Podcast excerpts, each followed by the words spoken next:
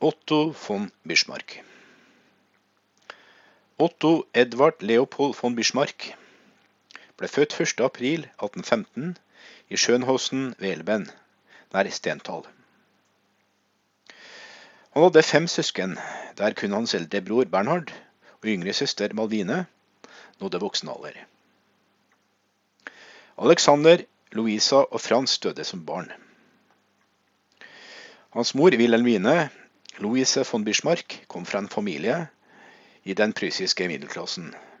Hans far, Ferdinand von Bismarck, tilhørte den gamle prysiske adelen. Von Bismarck-familien hadde røtter i Altmark, i dagens Saksen-Anhalt, siden middelalderen.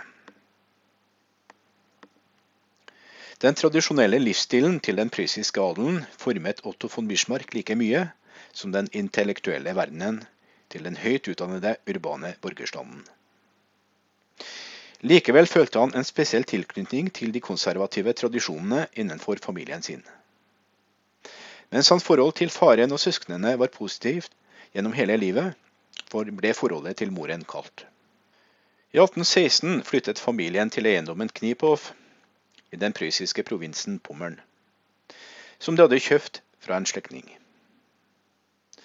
Der tilbrakte den unge Otto først en bekymringsløs barndom. Dette tok brått slutt fordi hans ambisiøse mor planla en karriere som embetsmann eller diplomat i den prøyssiske statsforvaltningen for sønnen sin. I 1821 sendte hun den seks år gamle gutten til en kostskole, Blamanche-anstalt i Berlin, der hans eldre bror Bernhard allerede gikk. Gjennom hele livet følte Otto nag mot moren sin for å ha flyttet ham til den fjerne hovedstaden i Prøysen i så ung alder. Idet han ser tilbake, husket han med ubehag den strenge oppdragelsen og det dårlige kostholdet på skolen. Han var desto lykkeligere når han fikk lov til å tilbringe feriene på Kniphof. Fra 1827 gikk Bismarck på Friedrich Wilhelm gymnasium, og i 1830 byttet han til gymnasium som Grauen kloster den eldste utdanningsinstitusjonen i Berlin. Der fikk Otto, utstyrt med en skarp hjerne, en utmerket utdannelse. Otto og broren bodde i foreldrenes leilighet i Berlin på den tiden. Hans senere vitnemål viser hans fravær fra skolen og sporadisk flid, men understreker hans kunnskap om fremmedspråk og tilfredsstillende i tysk. 31.3.1831 ble Otto konfirmert av den kjente teologen Friedrich Schleiermacher i Trenedskirken i Berlin. Etter å ha fullført videregående skole i 1832 begynte han å studere juss og statsvitenskap i Göttingen. Men han studerte halvhjertet. Kun forelesningene til historikeren Arnold Heren om utviklingen av det europeiske statssystemet vekket interessen hans. Dette passet sammen med Bismarcks virkelige karrieremål, en diplomatisk karriere. Under studiene ble Bismarck medlem av studentforeningen Korps Hanovera. Det overdrevne inntaket av alkoholholdige drikkevarer, dueller Bismarck ble ansett som en av de beste fekterne i Göttingen, og fengsling i universitetsfengselet Kascher, ga ham rykte som en bråkmaker. Sammen med to utenlandske medstudenter amerikaneren John Lothrop Motley og greven fra de baltiske statene, Alexander von Keisling, dannet han varige vennskapsbånd. I september 1833 flyttet han til Friedrich Wilhelm-universitetet i Berlin, der han fullførte studiene sine med suksess. I 1835, etter statseksamen i juss, begynte Otto von Bismarck sin juridiske karriere som juridisk kandidat ved den kongelige byretten i Berlin. Men arbeidet kjedet den unge juristen. Hans provoserende oppførsel førte til konflikter med overordnede, da han var motvillig til å følge deres ordrer uten innvendinger. Det påfølgende året skiftet han jobb i rettsvesenet til administrasjonen for å forbedre utsiktene sine for en stilling i utenrikstjenesten. Han søkte seg jobb i regionrådet i Aachen, og fortsatte sin juridiske virksomhet der. Imidlertid fant han mer glede i private aktiviteter i Aachen enn i jobben. Spesielt hadde flere unge damer fra den britiske adelen fanget hans interesse. Sommeren 1837 ble han forelsket i 17 år gamle Isabella Lorraine Smith. Han tok en 14 dagers permisjon for å følge sin elskede og hennes familie på deres rundtur i Tyskland, men utvidet permisjonen til tre måneder på eget initiativ. Etter at ekteskapsplanene med den unge briten mislyktes, og etter at Bismarck tapte mye penger i et kasino i Wiesbaden, returnerte han til Achen. Men etter dette dristige foretaket ble han lenger ikke brukt der. Han ba om å bli overført til regionrådet i Potsdam, der han kunne fortsette sin juridiske tjeneste. I 1838 avbrøt Bismarck sin juridiske tjeneste og fullførte verneplikten som ettårig frivillig i Garderjegerbataljonen i Potsdam og i Pommersk jegerbataljon nummer to i Greifswald. Tidligere hadde han forgjeves forsøkt å unngå militærtjeneste ved å late som han hadde en muskelsvakhet i høyre arm. Etter å ha fullført verneplikten forlot han endelig statsforvaltningen, som hadde tilbudt den selvsikre Otto for lite handlingsrom. Denne beslutningen ble gjort enklere for ham ved morens død 1.1.1839. Han og broren Bernhard overtok nå styringen av eiendommene Kniphof, Küls og Jacqueline i Pommern. I 1839 avbrøt Bismarck sin utdanning til fordel for en karriere innenfor staten. En av hovedgrunnene var håpet om å tjene nok penger gjennom forvaltningen av familiens eiendommer, for å kunne betale ned gjelden sin. Han flyttet til Kneipov og satte seg grundig inn i jordbruk samt driftsmetoder. Som godseier var han også ansvarlig for å opprettholde lov og orden på eiendommene sine, og han utøvet også kirkepatronatet. Sammen med broren Bernhard von Bismarck klarte han raskt å gjøre de nedslitte eiendommene lønnsomme, selv om de ikke ble fullstendig gjeldfrie. Sin private gjeld kunne han likevel nedbetale. Ved siden av dette deltok han i adelens sosiale aktiviteter, inkludert baller, jaktturer og nattlige drikkegilder, som ga Kniphoff kallenavnet Kneiphoff. I fritiden fordypet han seg i atlaser samt historisk og samtidslitteratur. Uten tvil strakte den intellektuelle horisonten til denne ekstraordinært talentfulle mannen seg langt utenfor grensene til de pommerske landeiendommene. Hans første forsøk på å avvikle ungdomslivet gjennom et passende ekteskap mislyktes. I 1841-42 fridde han til Otilie von Potkammer, men hans frieri ble avvist av Otilies mor. For å døyve denne skuffelsen ga han seg ut på en flere måneder lang reise gjennom Storbritannia, Frankrike, Italia og Sveits. I denne perioden mottok han også sin første offisielle utmerkelse. I 1842 ble tapperhetsmedaljen tildelt ham fordi han hadde reddet sin ridderknekt Hildebrandt fra å drukne under en landvernsøvelse. Bismarck ble forfremmet til sekondløytnant i det prøyssiske landvernet i 1841. En stund fortsatte Bismarck å leve som en uavhengig adelsmann, noe som ga ham betydelig ansvar for driften av gods og livene til menneskene på hans eiendommer, men også mange friheter. Etter at eiendommene var blitt satt i stand, begynte han imidlertid å kjede seg, og søkte etter en ny utfordring. I 1844 bestemte han seg for å fortsette sin juridiske praksis i Potsdam. Men allerede etter to uker tok han ferie frustrert over forholdene i administrasjonen.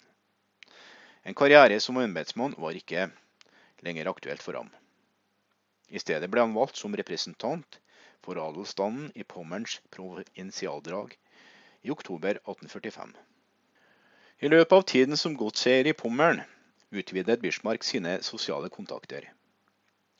Gjennom sin skolekamerat Moritz von Blankenburg fikk han tilgang til en gruppe adelige pietister. Han utviklet mer enn bare vennskapelige følelser for Blankenborgs kommende hustru, Marie von Tadden. I samtaler med henne fant han indre ro og religiøs refleksjon. Hennes tidlige død i 1846 rystet ham dypt. Etter denne tragiske hendelsen tok Bismarck kontakt med Johanna von Puttkammer, en venninne av Marie. I henne fant han en kone som passet til hans sosiale og politiske ambisjoner. Han klarte å overvinne motstanden til hennes far, som hadde hørt mye ondt og lite godt om Bismarck. Ved 1847 giftet Otto og Johanne seg i landsbyen i Alt, Kolsiglov. Hun viste seg å være den perfekte partner, og ekteskapet deres resulterte i tre barn. Marie, Herbert og Wilhelm. To år tidligere døde Bismarcks far Ferdinand, noe som førte til en ny fordeling av familiens eiendommer. Otto overtok hovedgården i Skjønåsen, som han flyttet inn i 1846. Kniphoff ble leid ut, og Jacqueline gikk til broren Bernhard. Kort tid etter at han hadde flyttet til Skjønåsen, ble han utnevnt til Deichgraf, en lokal embetstittel knyttet til diker og vannveier, noe som var hans første offentlige stilling. Han ble også valgt som stedfortreder for representanten for den saksiske provinsiallanddagen. Et tilbud som ble presentert for ham i 1846 om å ta en høy stilling i statsadministrasjonen, ble avslått.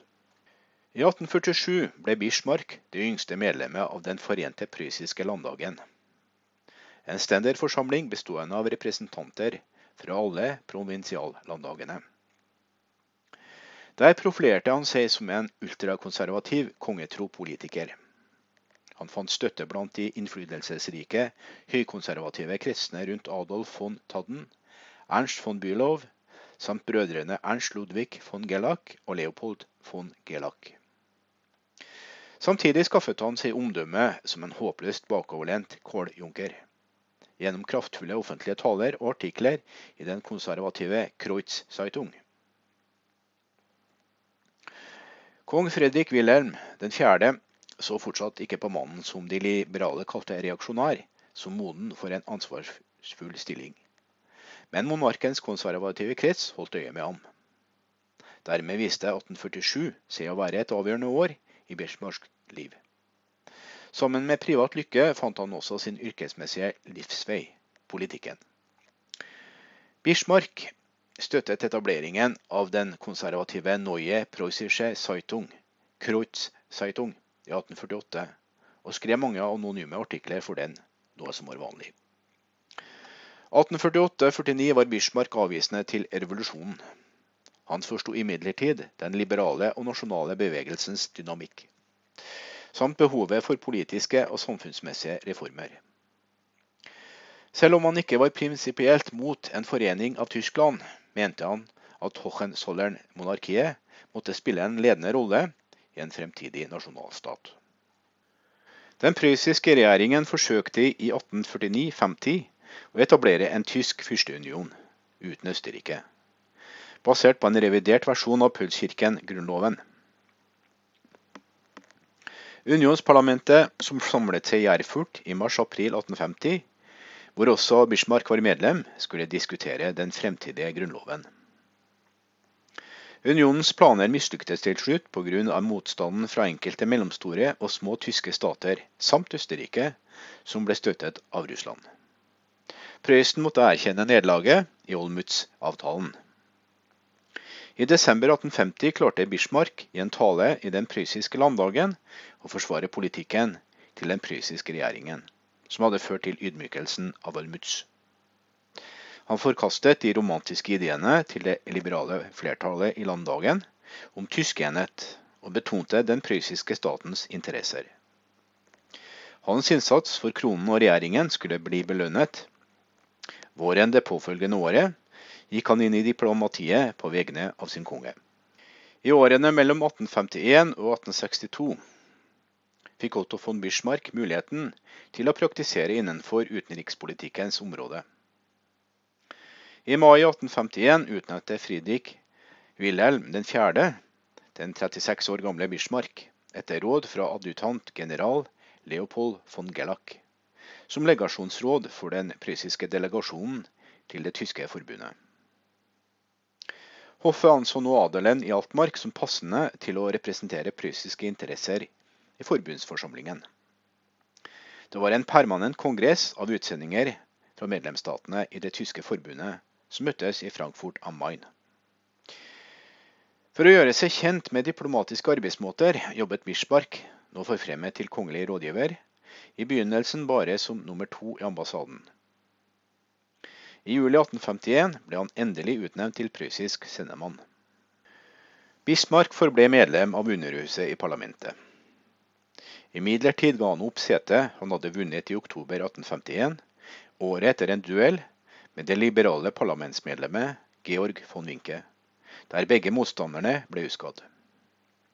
Dette var imidlertid ikke en endelig avskjed fra Berlin fordi de konservatives politiske håp ble utnevnt til førstekammeret i november 1854, etter forslag fra jordeierne i Pommern. Bismarck gjorde seg raskt kjent med sitt nye ansvarsområde, og ga regjeringen i Berlin informasjon om situasjonen i Frankfurt. Han hadde en evne til å si ingenting med mange ord. Familien hans fulgte etter ham i oktober 1851, og han trivdes med byens kosmopolitiske atmosfære så vel som med familielivet og det sosiale livet. Fokuset for hans diplomatiske aktiviteter var problemet med den østerriksk-prøyssiske dualismen i Tyskland. Selv om han først ikke var grunnleggende fiendtlig innstilt til Habsburgsmonarkiet, kjempet han som representant for Prøysen for å styrke det mot den ledende tyske makten Østerrike. Bismarck motsatte seg anstrengelsene deres for å bruke det tyske forbundet til sitt formål. På denne måten klarte han å hindre Wien-regjeringen i å utvide det tyske forbundet når det gjaldt handel og økonomisk politikk, på bekostning av den tyske tollunionen som ble grunnlagt i 1834. Han blokkerte også deres forsøk på å mobilisere styrkene til det tyske forbundet mot Russland under Krimkrigen. Dette var hans første betydelige diplomatiske suksess. Han klarte imidlertid ikke å minske Østerrikes overlegenhet. Han anbefalte gjentatte ganger sine overordnede i Berlin til å føre en mer aktiv utenrikspolitikk, fordi han var overbevist om at Prøysen før eller senere ville bli en ambolt hvis det ikke gjorde noe for å bli en hammer. Han fulgte Napoleon den tredjes fremgang med nysgjerrighet i Frankrike, som etter å ha vunnet kringkrigen igjen hadde blitt den ledende makten på kontinentet. I 1855 brukte Bismarck en reise til verdensutstillingen i Paris til å bli kjent med den franske keiseren personlig. I 1857 dro Bismarck til Paris for andre gang, der det også fant sted flere møter. Hans sterke konservative beskyttere ved hoffet var mistenksomme overfor Bismarcks interesser for det andre franske keiserdømmet, som de så på som en heksegryte for revolusjon. Prøysens mann i Frankfurt var imidlertid overbevist om at Napoleon 3. burde betraktes som en mulig alliert, til tross for ideologiske forskjeller. Ifølge Bismarck måtte regjeringen i Berlin gjøre forretninger med virkeligheten og ikke med en drømmeverden. Det burde være realpolitikk og være mindre orientert mot antirevolusjonære prinsipper som kunne være i strid med de prøyssiske statlige interessene. Etter at Friedrich Wilhelm 4. overlot statlige saker til broren Wilhelm i 1858 pga. sykdom, ble Bismarck politisk marginalisert. Regenten utnevnte en ny, liberal-konservativ regjering, som sendte Bismarck til St. Petersburg mot slutten av januar 1859. Dette var formelt en forfremmelse, men Bismarck følte det som en degradering.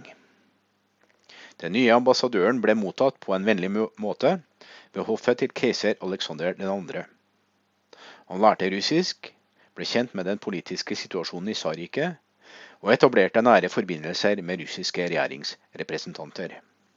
I begynnelsen av mai 1859, med bakgrunnen av den andre italienske frigjøringskrigen, utarbeidet Bismarck et program for etablering av et prøyssisk hegemoni i Tyskland. I prosessen tok han til og med kravene fra den tyske nasjonale bevegelsen som sine egne. Umiddelbart etterpå ble Bismarck livstruende syk, rett før han skulle dra på en reise til Prøysen for å hente familien sin. Likevel reiste han og forlot den russiske hovedstaden i nesten ett år. Etter å ha kommet seg ble han mottatt av prinsregenten i Berlin i mars i 1860, på vei tilbake til St. Petersburg. Som et resultat av den innenlandske politiske konflikten som hadde eskalert siden 1859-60 angående reformen av forsvarsstyrkene, som statsoverhodet ønsket, ble Bismarck utnevnt som en ministerkandidat i tilfelle en omorganisering av regjeringen i Berlin. Men prinsregent Wilhelm hadde visse forbehold om ham. Wilhelms kone Augusta var sterkt imot den antatte reaksjonære Frasmark. Siden revolusjonen i 1848-49 hadde forholdet mellom Augusta og Bismarck vært preget av gjensidig avsky. I juni 1860 vendte Bismarck endelig tilbake til sin post i St. Petersburg med familien sin på slep. Han rapporterte til sine overordnede fra den russiske hovedstaden, holdt øye med den politiske utviklingen i Europa og Tyskland på avstand. Etter at Friedrich Wilhelm 4.s død i januar 1861 hadde prinsregenten blitt Wilhelm 1., som steg opp på den prysiske tronen. Nå ble Bismarck sendt til Baden-Baden. Bismarck utviklet et program for prøyssisk tysklandspolitikk. Prøysen skulle bruke den nasjonale enhetsbevegelsen som et pressmiddel for å få overtaket i kampen mot Østerrike og de sentrale statene. Det gikk igjen rykter om at Bismarck skulle utnevnes til den prøyssiske statsministeren, men en slik utnevnelse ble ikke gjort. Etter å ha deltatt i kroningen av Wilhelm 1. i Königsberg den 18. oktober 1861, vendte han tilbake til St. Petersburg. Hans time hadde ennå ikke kommet, men i mars 1862 var tiden hans i Russland over, og han returnerte til Berlin. I mellomtiden hadde konflikten mellom kronen og parlamentet om spørsmålet om hærreformen, som statsoverhodet ønsket, intensivert seg. Det kom forslag fra personer nær monarken om at Bismarck skulle utnevnes til regjeringen. Men Wilhelm den første nølte fremdeles med å betro seg til ministerpost.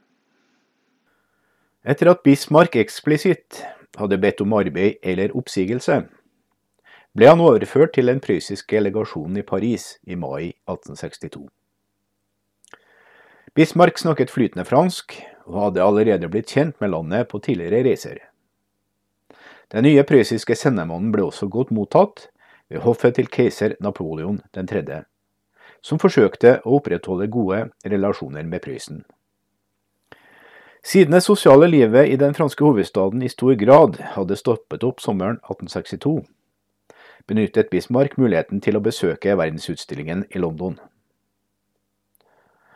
Samtaler fant også sted der med statsminister Henry John Temple, Viscount Palamerson og opposisjonsleder Benjamin Disraeli. Så snart han vendte tilbake til Paris, tok han ferie og reiste til Sør-Frankrike. I badebyen Biarritz møtte han den russiske ambassadøren til Belgia, prins Nikolai Orlov, og hans unge kone Katerine Orlova. Bismarck tilbrakte mye tid sammen med dem, og ble forelsket i den søte prinsipesse, prinsesse, som minnet ham om hans første store kjærlighet, Maria von Tedden. Han forlenget ferien på egen hånd og trivdes i selskap med sin kjære. Til slutt førte ikke romansen noe sted. Og etter et kort opphold i Pyreneene vendte Bismarck tilbake til Paris. Der mottok han telegrammer fra den prøyssiske utenriksministeren Albrecht von Bernstorff og den prøyssiske krigsministeren i midten av september 1862, Albrecht von Rohn, der han ble bedt om å rapportere til Berlin umiddelbart. Den 22. september 1862 mottok kong Wilhelm den første Otto von Bismarck som hadde reist raskt fra Paris på Babelsk Babelsbergpalasset nær Potsdam. Han skulle hjelpe til med å løse en konflikt som hadde ulmet siden 1860 mellom regjeringen og Underhuset i parlamentet, Representantenes hus, angående modernisering av de væpnede styrkene. I tilfelle regjeringen gikk på et nederlag, vurderte til og med kongen å abdisere. Bismarck, som var en lojal vassal av kurfyrstedømmet Brandenburg, erklærte seg klar til å gjennomføre hærreformen, om nødvendig selv mot flertallets vilje i Representantenes hus. Wilhelm den første, som fremdeles var usikker på Bismarcks person, men ikke hadde alternative kandidater, gjorde ham midlertidig til statsminister dagen etter. Den nye regjeringssjefen virket først villig til å inngå kompromiss med liberalerne. I sin jern- og blodtale den 30. september 1862 tilbød han dem et martyrskap for å løse nasjonalspørsmålet. Til gjengjeld krevde han godkjenning av de nødvendige budsjettmidlene for hærreformen. Imidlertid tolket liberalerne tilbudet som en trussel om innenlandsk tyranni og krigspolitikk eksternt, og avviste Bismarcks tilbud. Bare noen få dager senere, den 8. oktober, utnevnte Wilhelm den første ham til endelig statsminister og utenriksminister. Motstand fra den liberale majoriteten i Representantenes hus til tross, gjennomførte Bismarck herreformen, og rettferdiggjorde dette med en tvilsom tolkning av den prøyssiske grunnloven. Siden han ikke tillot uenighet mellom regjeringen og delstatsparlamentet i lovgivningsprosessen, mente han at han kunne bruke denne luken for å presse gjennom sitt regjeringsprogram uten samtykke fra representantene fordi statens liv ikke kunne stå stille et øyeblikk, som Bismarck erklærte i parlamentet i januar 1863. Etter at alle forsøk på kompromiss hadde mislyktes, styrte han i årene som fulgte uten et budsjett godkjent av delstatsparlamentet. Dermed utviklet den militære konflikten seg til en konstitusjonell krise som begrenset Bismarcks innenrikspolitiske handlingsrom. Ferdinand Lassalle snakket om samarbeidet mellom regjeringen og arbeiderbevegelsen. Imidlertid ble denne ideen intet, og den kunne ikke tas opp igjen senere. Lassalle døde 31.8.1864 som følge av en duell. Tross skarp motstand fra regjeringen og liberalerne, både når det gjaldt herrereformen og løsningen på nasjonalspørsmålet, møtte Bismarck motstand også på økonomiområdet. Den liberale og nasjonale bevegelsen i Tyskland hadde blitt sterkere mot slutten av 1850-årene, og Bismarck tok opp de sentrale kravene fra nasjonalbevegelsen. Imidlertid var han mindre opptatt av Tysklands samling enn å konsolidere Prøysens maktposisjon i Nord-Tyskland og eliminere Østerrikes dominans i den tyske konføderasjonen. Høsten 1863 klarte han å forhindre to av Østerrikes initiativer. Han sikret også Russlands fremtidige gode oppførsel overfor Prøysen ved å godkjenne undertrykkelsen av et opprør i russisk Polen. I en hemmelig avtale av 8.2.1863 lovet regjeringene i Berlin og St. Petersburg hverandre militær støtte i kampen mot polske opprørere. Samme året brøt den ulmende konflikten med Danmark over hertugdømmene Schleswig, Holstein og Lovenborg nord for Elben. Disse var forbundet i personalunion ved den danske kronen. London-protokollen fra 1851 forbød ensidige endringer i eksisterende juridiske forhold. Imidlertid søkte Danmark om å inkorporere Slesvig ved hjelp av en ny statlig konstitusjon. De diplomatiske stridighetene om dette spørsmålet førte til den tysk-danske krigen i 1864. Etter Danmarks militære nederlag ble hertugdømmene, som Bismarck allerede hadde vurdert å annektere til Prøysen, plassert under felles administrasjon av Østerrike og Prøysen. Begge maktene hadde samarbeidet i kampen mot Danmark, og ble enige om Garstein-konvensjonen 14.8.1865 om å utøve administrasjonen separat. Samtidig kjøpte Prøysen Lauenborg, som hadde vært administrert av Østerrike sammen med Holstein. 16.9.1865 ble Bismarck utnevnt til jarl som en belønning for hans prestasjoner.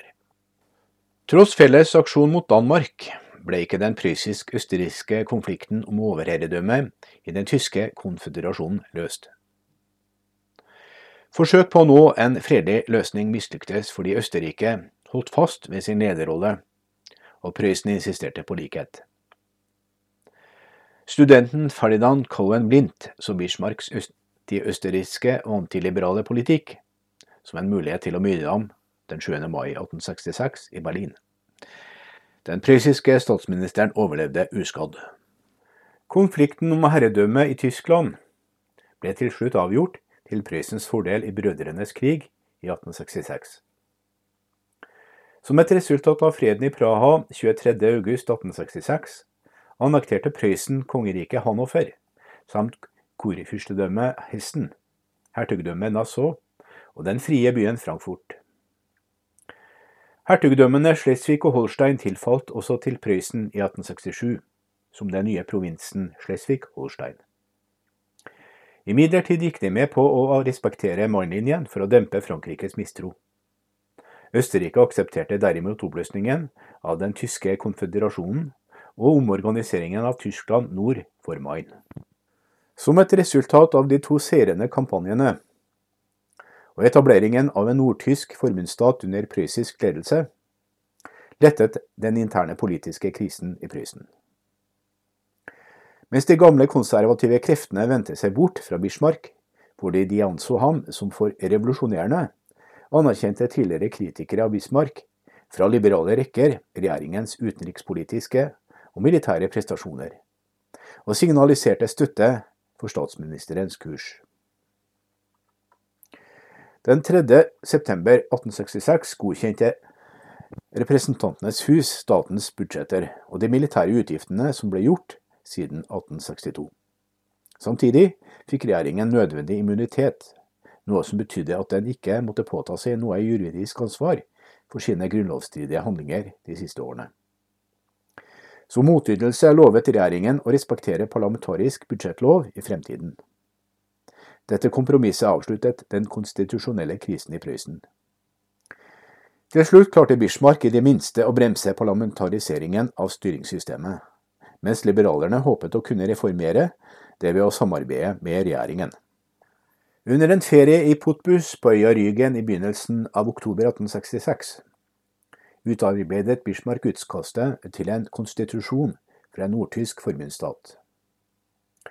1.7.1867 grunnla Prøysen den nordtyske konføderasjonen med de andre statene nord for Main, og kong Wilhelm I utnevnte ham til kansler 14.7. Måneden før hadde han kjøpt eiendommen Varsin i Øst-Pommern som midler, som hadde blitt tildelt ham av delstatsparlamentet 23.4.1867 som en anerkjennelse av hans prestasjoner. Prøysen okkuperte omtrent fire femtedeler av territoriet og 80% av befolkningen til de 22 medlemsstatene, med nesten 30 millioner innbyggere i den nordtyske konføderasjonen. Fra nasjonalbevegelsens synspunkt skulle dette slå sammen med de sørtyske statene Bayern, Würtemberg og Baden så snart som mulig. For Bismarck derimot var løsningen på det tyske spørsmålet fremdeles langt unna. Hvis Tyskland når sitt mål på 1800-tallet, hevdet han forsiktig i 1868, synes det stort for meg. Og hvis det var om ti eller til og med fem år, det ville være noe ekstraordinært. Bismarck betraktet aldri tysk enhet som noe som lå hans hjerte nær. Og han brakte den heller ikke til live på en planlagt måte. Fra hans synspunkt måtte den allerede igangsatte samlingsprosessen fortsette å styres av stat og regjering, og utformes så europeisk kompatibel som mulig. Frankrike spesielt måtte beroliges. Imidlertid så sistnevnte sin rolle som ledende makt i Europa som så truet av den prøyssiske streben etter overherredømme at det erklærte krig mot Prøysen i juli 1870 etter diplomatiske tvister om spørsmålet om den spanske tronen. Seks uker senere ble keiser Napoleon 3. slått og styrtet, men letingen etter en vei ut av krigen varte i åtte måneder. Bismarcks krav om avståelse av Alsac og Lorraine forhindret først en rask fredsavtale, men lette forhandlingene hans med de sørtyske statene om dannelse av et tysk rike, som formelt ble etablert 1.1.1871. Noen få dager senere, den 18. januar, erklærte de tyske fyrstene kong Wilhelm den første av Prøysen som tysk keiser i speisalen på Versailles-palasset. 10. mai signerte Bismarck og den franske utenriksministeren Jules Vavre freden i Frankfurt. For sine tjenester etter grunnleggelsen av det tyske keiserriket utnevnte keiser Wilhelm den første Otto von Bismarck til kansler den 21. mars 1871, samtidig som han forfremmet ham til fyrste. Han beholdt sine stillinger som prøyssisk statsminister og utenriksminister, og som minister for Lauenburg. I tillegg ga monarken i sin stilling som hertug av Lauenburg ham Schwarzenbeck-området øst for Hamburg, med Sachsenwald den 24. juni. Som kansler styrte Bismarck alle saker som falt innenfor keiserens fullmakter, og som ministerpresident fastsatte han retningslinjene for prøyssisk politikk. Tidens kritikk fra både liberale og konservative kretser om at Bismarck styrte som en diktator, var ubegrunnet.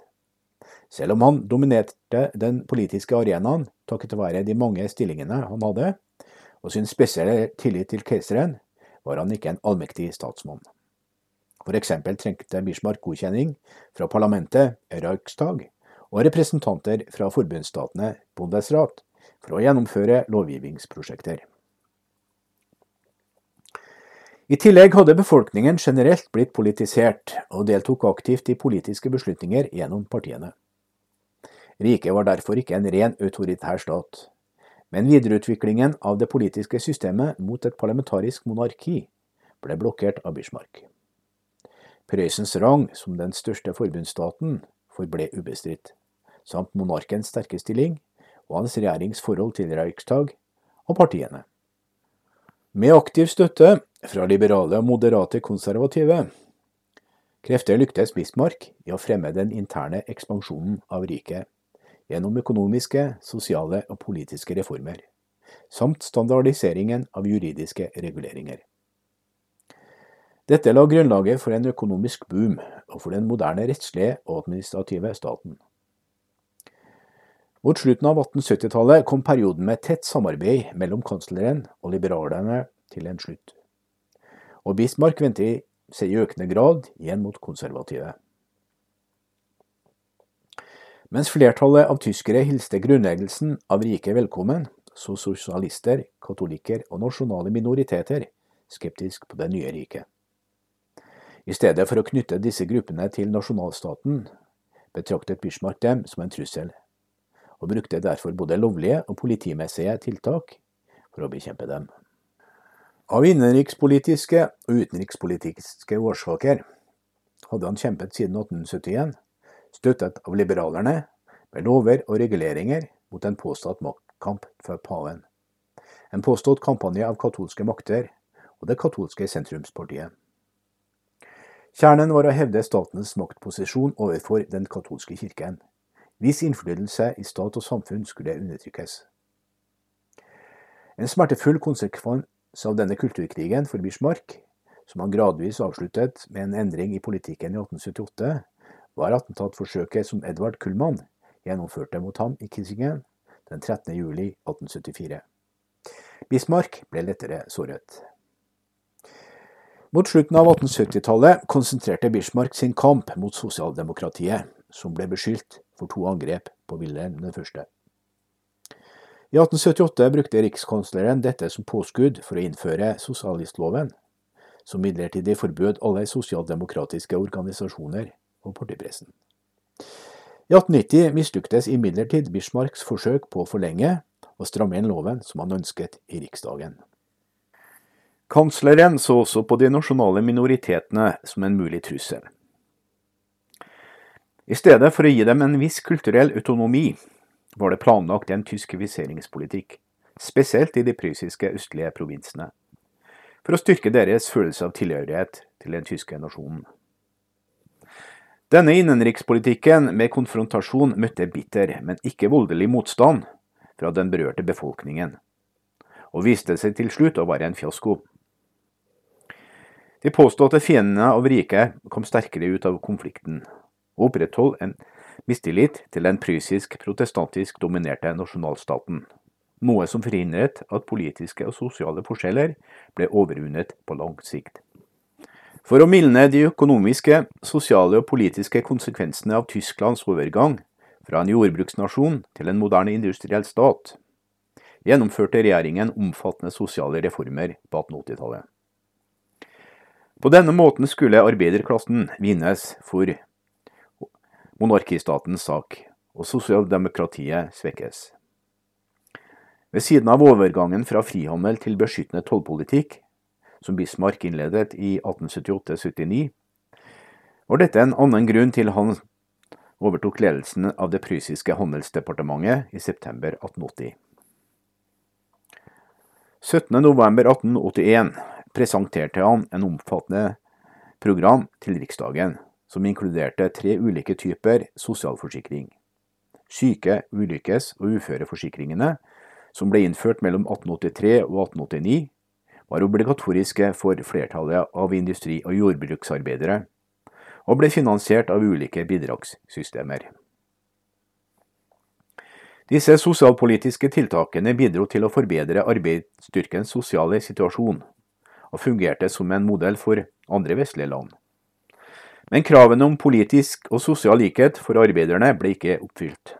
Derfor klarte ikke regjeringen å eliminere arbeiderklassen fra sosialdemokratiet.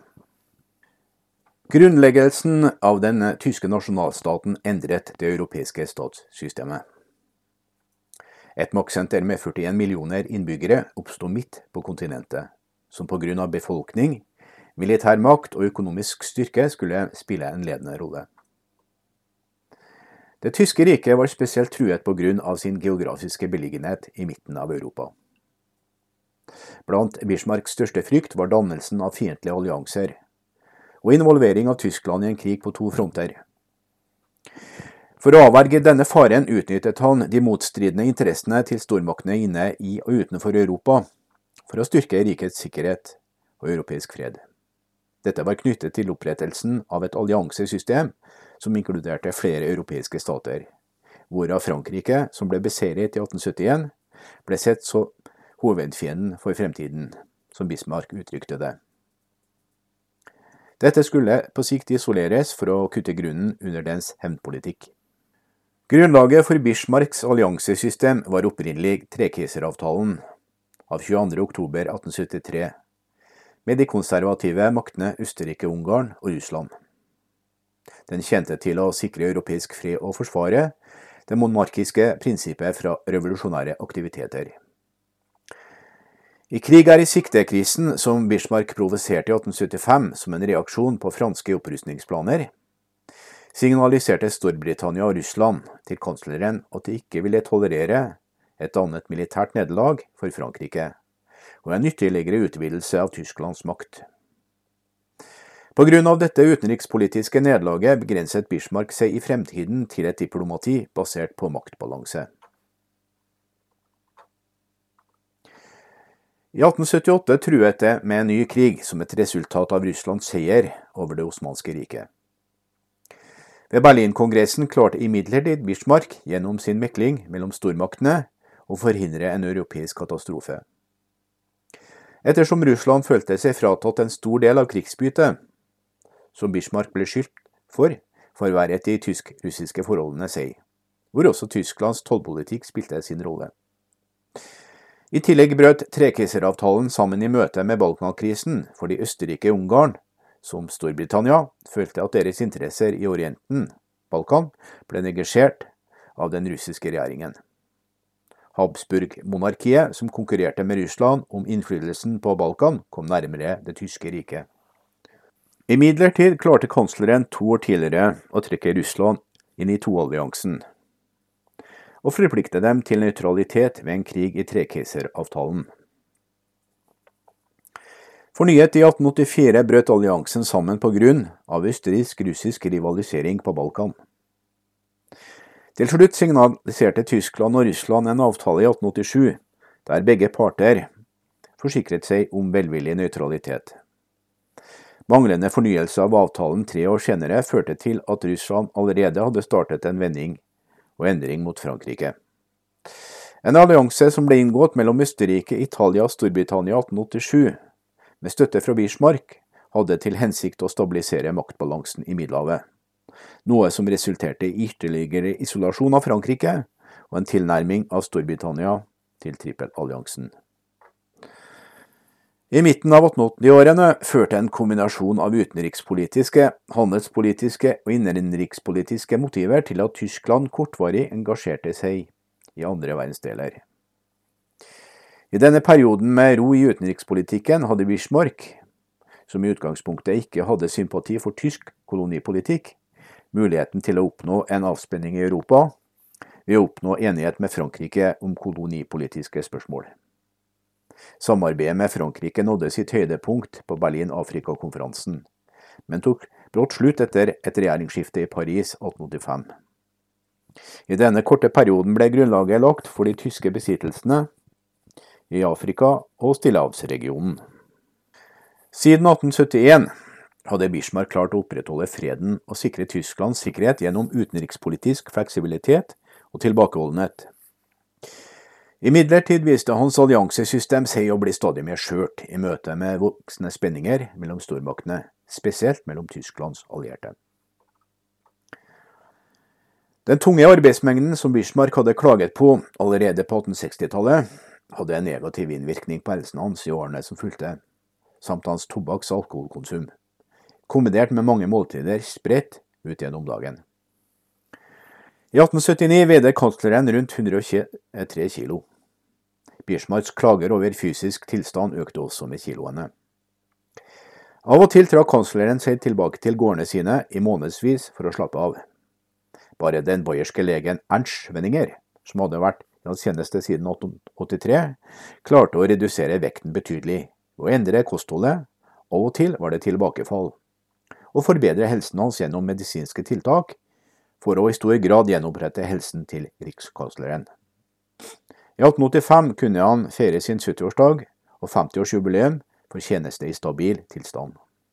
Wilhelm den døde den 9. mars 1888, og ble fulgt av Fredrik den tredje den 15. juni til graven. Sønnen hans overtok tronen dagen etter som Wilhelm den andre. Dette maktskiftet rystet den tidligere maktposisjonen til jernkansleren.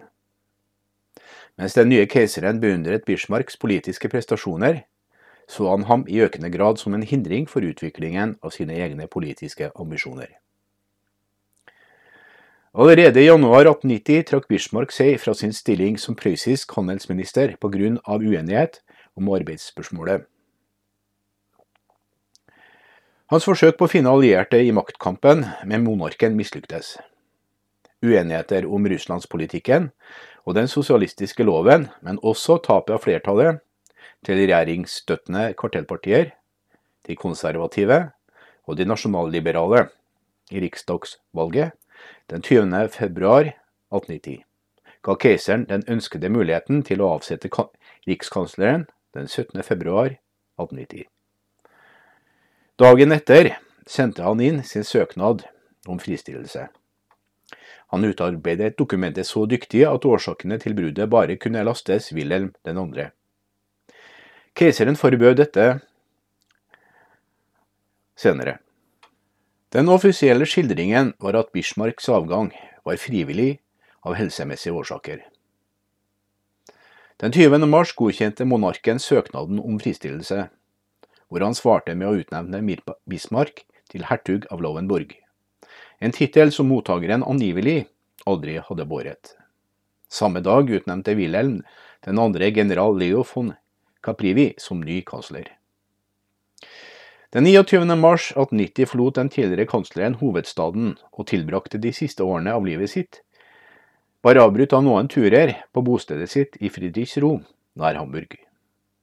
Den store jordeieren var økonomisk sikker. I mars 1890 var årsinntektene hans rundt 330 000 mark.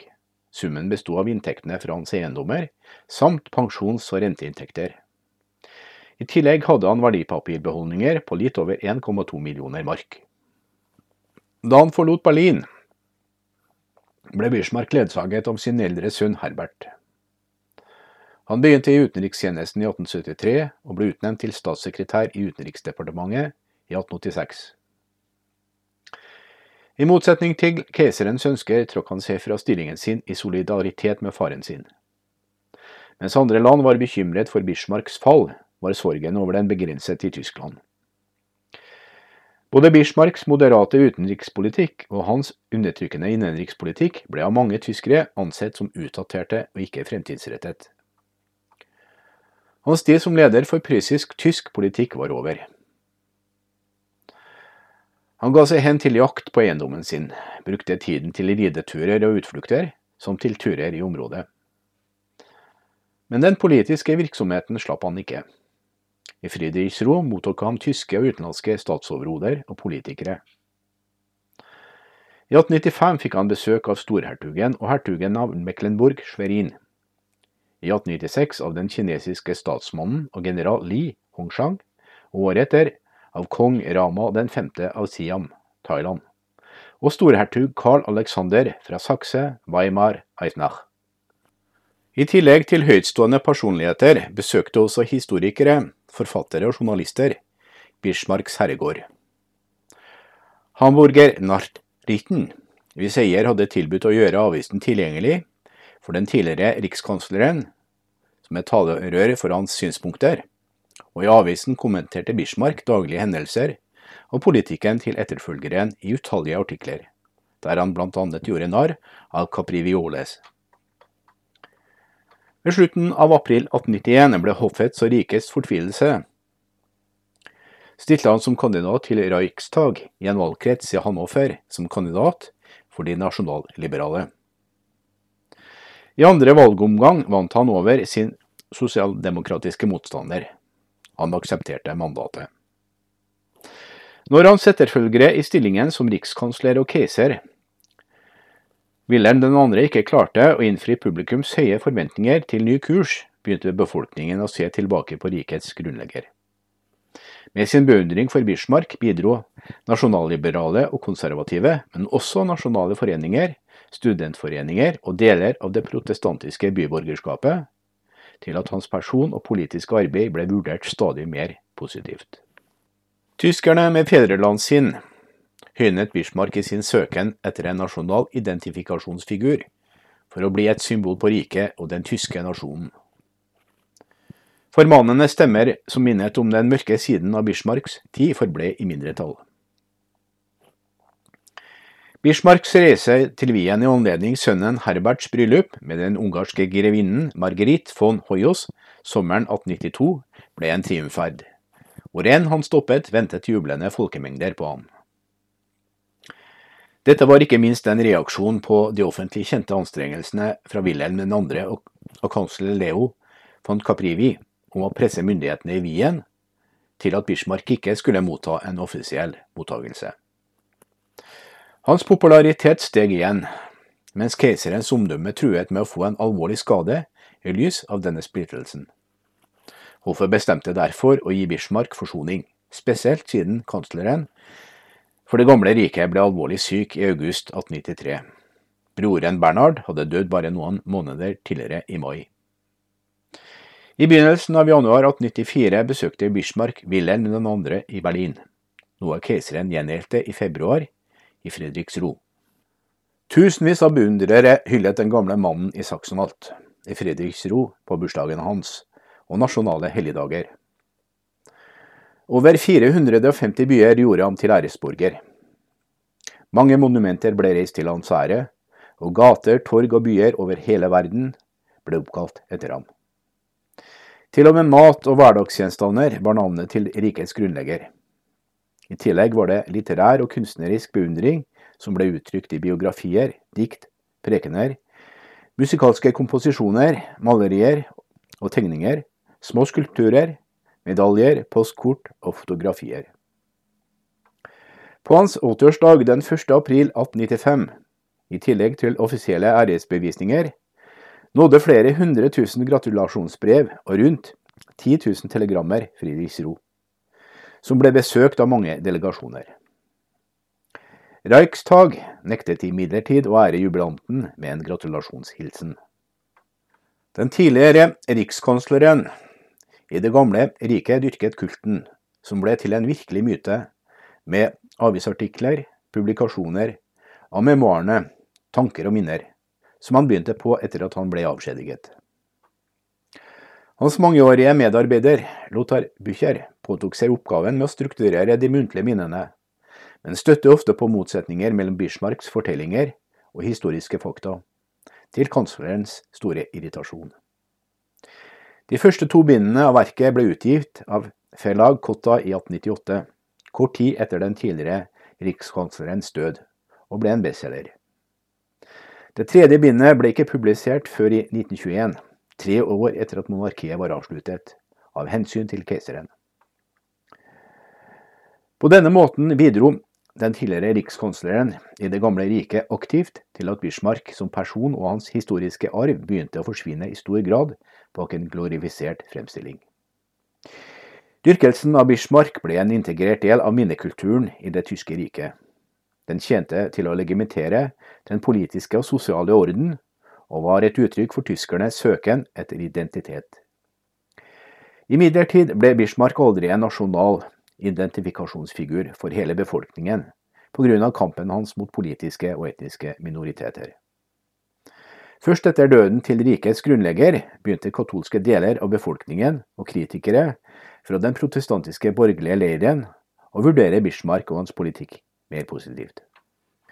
Likevel feiret han 60-årsjubileet for militærtjenesten sin i mars 1897. I midten av desember, sittende i rullestol, mottok han keiser Wilhelm 2. for siste gang for et kort besøk i Fredriksro. De siste månedene av livet hans ble en virkelig tortur av de alvorlige smertene. Bismarck døde like før klokken 23 den 30. juli 1898 i soverommet sitt i herregården Fredriksro. I sine siste ord sies det at han uttrykte håp om å se sin Johanna igjen i himmelen. Von Bismarck-familien avslo Wilhelm den andres ønske om å begrave den avdøde i Hohenzollern-krypten i Berlinerdomen. I stedet ble det reist et musoleum på herregården, der Otto og Johanna von Bismarck fant sitt siste hvilested den 16. mars 1899, på ellevteårsdagen for begravelsen av keiser Wilhelm den første.